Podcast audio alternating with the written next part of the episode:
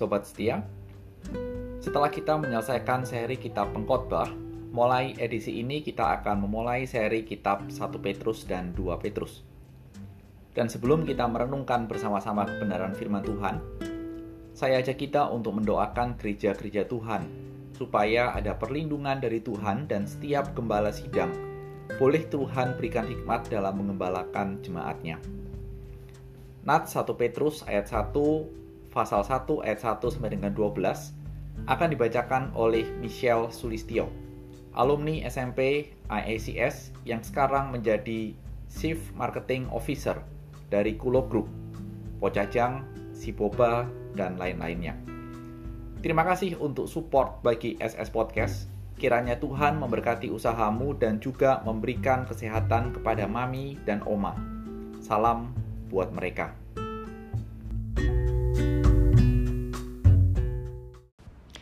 Satu Petrus 1 ayat 1 sampai 12. Dari Petrus, Rasul Yesus Kristus kepada orang-orang pendatang yang tersebar di Pontus, Galatia, Kapodokia, Asia Kecil dan Bitinia, yaitu orang-orang yang dipilih sesuai dengan rencana Allah, Bapa kita dan yang dikuduskan oleh Roh, supaya taat kepada Yesus Kristus dan menerima percikan darahnya. Kiranya kasih karunia dan damai sejahtera makin melimpah atas kamu. Pengharapan iman dan kasih. Terpujilah Allah dan Bapa Tuhan kita Yesus Kristus, yang karena rahmatnya yang besar telah melahirkan kita kembali oleh kebangkitan Yesus Kristus dari antara orang mati, kepada suatu hidup yang penuh pengharapan untuk menerima suatu bagian yang tidak dapat binasa, yang tidak dapat cemar dan yang tidak dapat layu, yang tersimpan di sorga bagi kamu yaitu kamu yang dipelihara dalam kekuatan Allah karena imanmu, sementara kamu menantikan keselamatan yang telah tersedia untuk dinyatakan pada zaman akhir.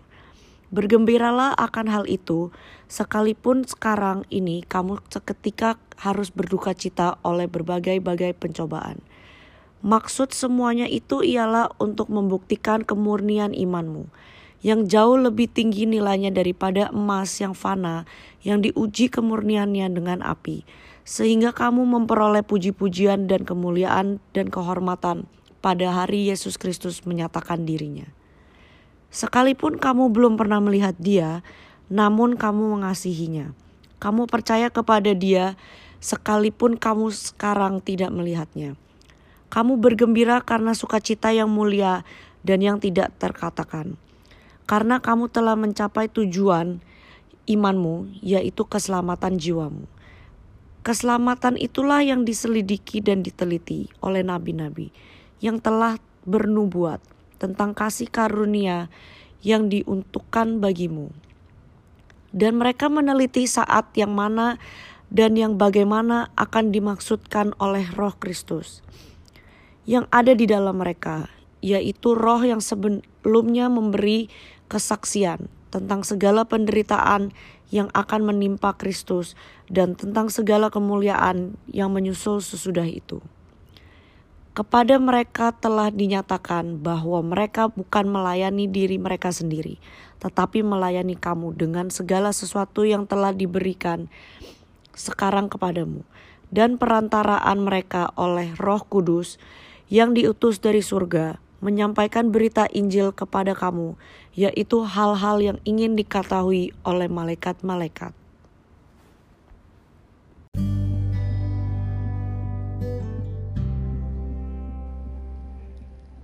Tema kita adalah jalanmu ke mana, sobat setia? Dan mari kita berdoa. Tuhan Yesus yang baik, biarlah pengajaran firman Tuhan hari ini boleh menghiburkan dan menguatkan hidup kami yang lemah ini Demi Kristus, amin. Sobat setia yang dikasih Tuhan, bila kita pernah belajar atau membaca sedikit mengenai ajaran dari postmodern, maka kita bisa mendapatkan pengajaran ini mengajak atau mengajarkan kita bahwa hidup itu bisa digambarkan seperti sebuah perahu layar di tengah-tengah lautan yang berlayar ke mana pun angin bertiup. Kalau hal ini terjadi, maka kita tidak bisa menemukan ke mana tujuan utama dari perahu itu. Karena perahu itu tidak memiliki tujuan yang pasti. Semuanya bergantung kepada angin yang bertiup. Bisa ke utara, ke selatan, tenggara, barat, dan lain-lainnya. Ajaran postmodern ini secara sadar atau tidak sadar banyak dianut oleh banyak orang. Kalau kita bertanya apakah kita termasuk orang-orang itu, saya tidak tahu. Tapi kalau kita pernah mengatakan, biarlah hari demi hari membawa saya ke mana kaki saya melangkah, maka secara prinsip kita menghidupi apa yang diajarkan oleh postmodern. Contoh lain, ketika seseorang sering kali menjawab, nggak tahu, tidak tahu, ntar aja, nggak usah dipikirin, dan lain sebagainya. Seakan-akan menyerahkan hidup kepada waktu yang berjalan tanpa ada remnya, pokoknya jalan terus, itu pun juga sama prinsipnya. Kalau ada orang yang tahu tujuan hidupnya, mari kita bertanya, Tanyakan apa yang menjadi tujuan hidupmu di dalam dunia ini. Ayo, apa? Memiliki bisnis seperti Kulo Group itu baik dan tidak salah. Mengembangkan bisnis, merintis karir, berkeluarga dengan orang yang kau kasihi dan lain-lain, itu semua tidak ada yang salah. Silahkan berusaha semaksimal yang engkau bisa untuk meraih itu semua. Namun sampai dengan detik ini, siapa yang melihat realita kehidupanmu sedang menuju ke sana? Dan apakah hidupmu tanpa kesulitan, penderitaan, pergumulan? Bahasa lain, apakah hidupmu itu lancar jaya tanpa ada halangan apa pun? Rasanya kok tidak. Semua orang punya luka, punya derita, punya ceritanya masing-masing dalam hidup ini. Dan hal inilah yang juga terjadi dengan jemaat di Asia Kecil, di mana surat 1 Petrus itu ditujukan mereka sedang tersiksa, menderita, dengan pergumulan yang hebat, dan tebak saja pergumulannya apa. Rasanya pasti benar. Perhatikan ayat yang ke-6. Berduka cita dengan berbagai pencobaan. Tebak detailnya, realitanya, faktanya, saya yakin sobat setia pasti benar. Tapi mari kita pikirkan, apa solusi bagi duka cita dan pencobaan yang mereka hadapi? Atau kalau ada yang mengalami seperti itu, apa nasihat kita? Apa yang menjadi pengharapan dalam hidup ini ketika situasinya seperti itu? Menyerah? No. Frustasi? Gak boleh. Nats kita mengajarkan bahwa orang-orang Kristen yang telah dilahir barukan kembali oleh kasih karunia Allah memiliki hidup yang berpengharapan. Lihat itu di ayat yang ketiga. Apa pengharapannya? Hidup yang kekal yang tidak bisa binasa, tidak dapat cemar dan tidak dapat layu yang tersedia di mana? Di surga. Itu muncul di ayat yang keempat. Jadi jelas tujuan iman orang Kristen adalah keselamatan jiwa. Inilah yang harus menjadi tujuan utama dan tidak ada yang lebih utama dalam hidup kita sebagai anak-anak Tuhan. Pengharapan tujuan iman Kristen ini seharusnya membuat orang Kristen bergembira sekalipun hidup menderita dalam berbagai cobaan. Saya tambahkan dengan bahasa saya bahwa hidup itu pasti ada kesulitan. Kesulitan itu pasti ada dan akan datang. Yakinlah, percayalah, kesulitan itu tidak akan lenyap dalam hidup kita dan akan datang tanpa diundang dan tanpa pemberitahuan kepada kita. Tiba-tiba nongol, tiba-tiba datang.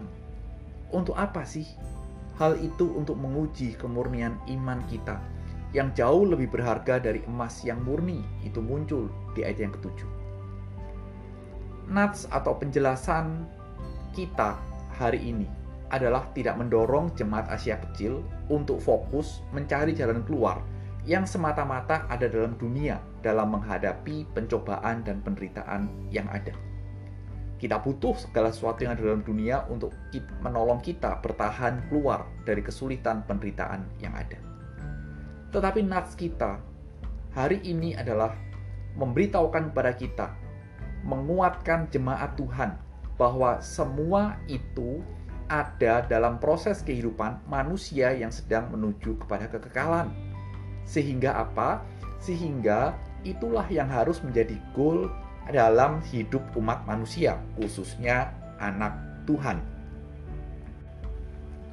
Sobat setia ingat, di akhir pembahasan seri kita pengkhotbah, saya mengingatkan Nats itu mengingatkan bahwa hidup itu singkat dan goal hidup kita bukan di dunia ini, tetapi ada di atas matahari.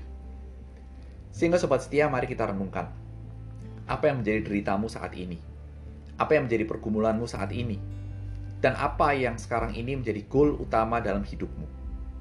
Pikirkan, renungkan itu. Kiranya firman Tuhan boleh menyadarkan kita semua bahwa saat ini kita sedang berjalan dalam iman dalam Kristus Tuhan menuju surga yang kekal. Dan penderitaan yang kita alami itu adalah bersifat sementara. Oleh karena itu, setialah, bertekunlah dalam imanmu kepada Kristus, meski hidup penuh kesulitan. Tuhan memberkati.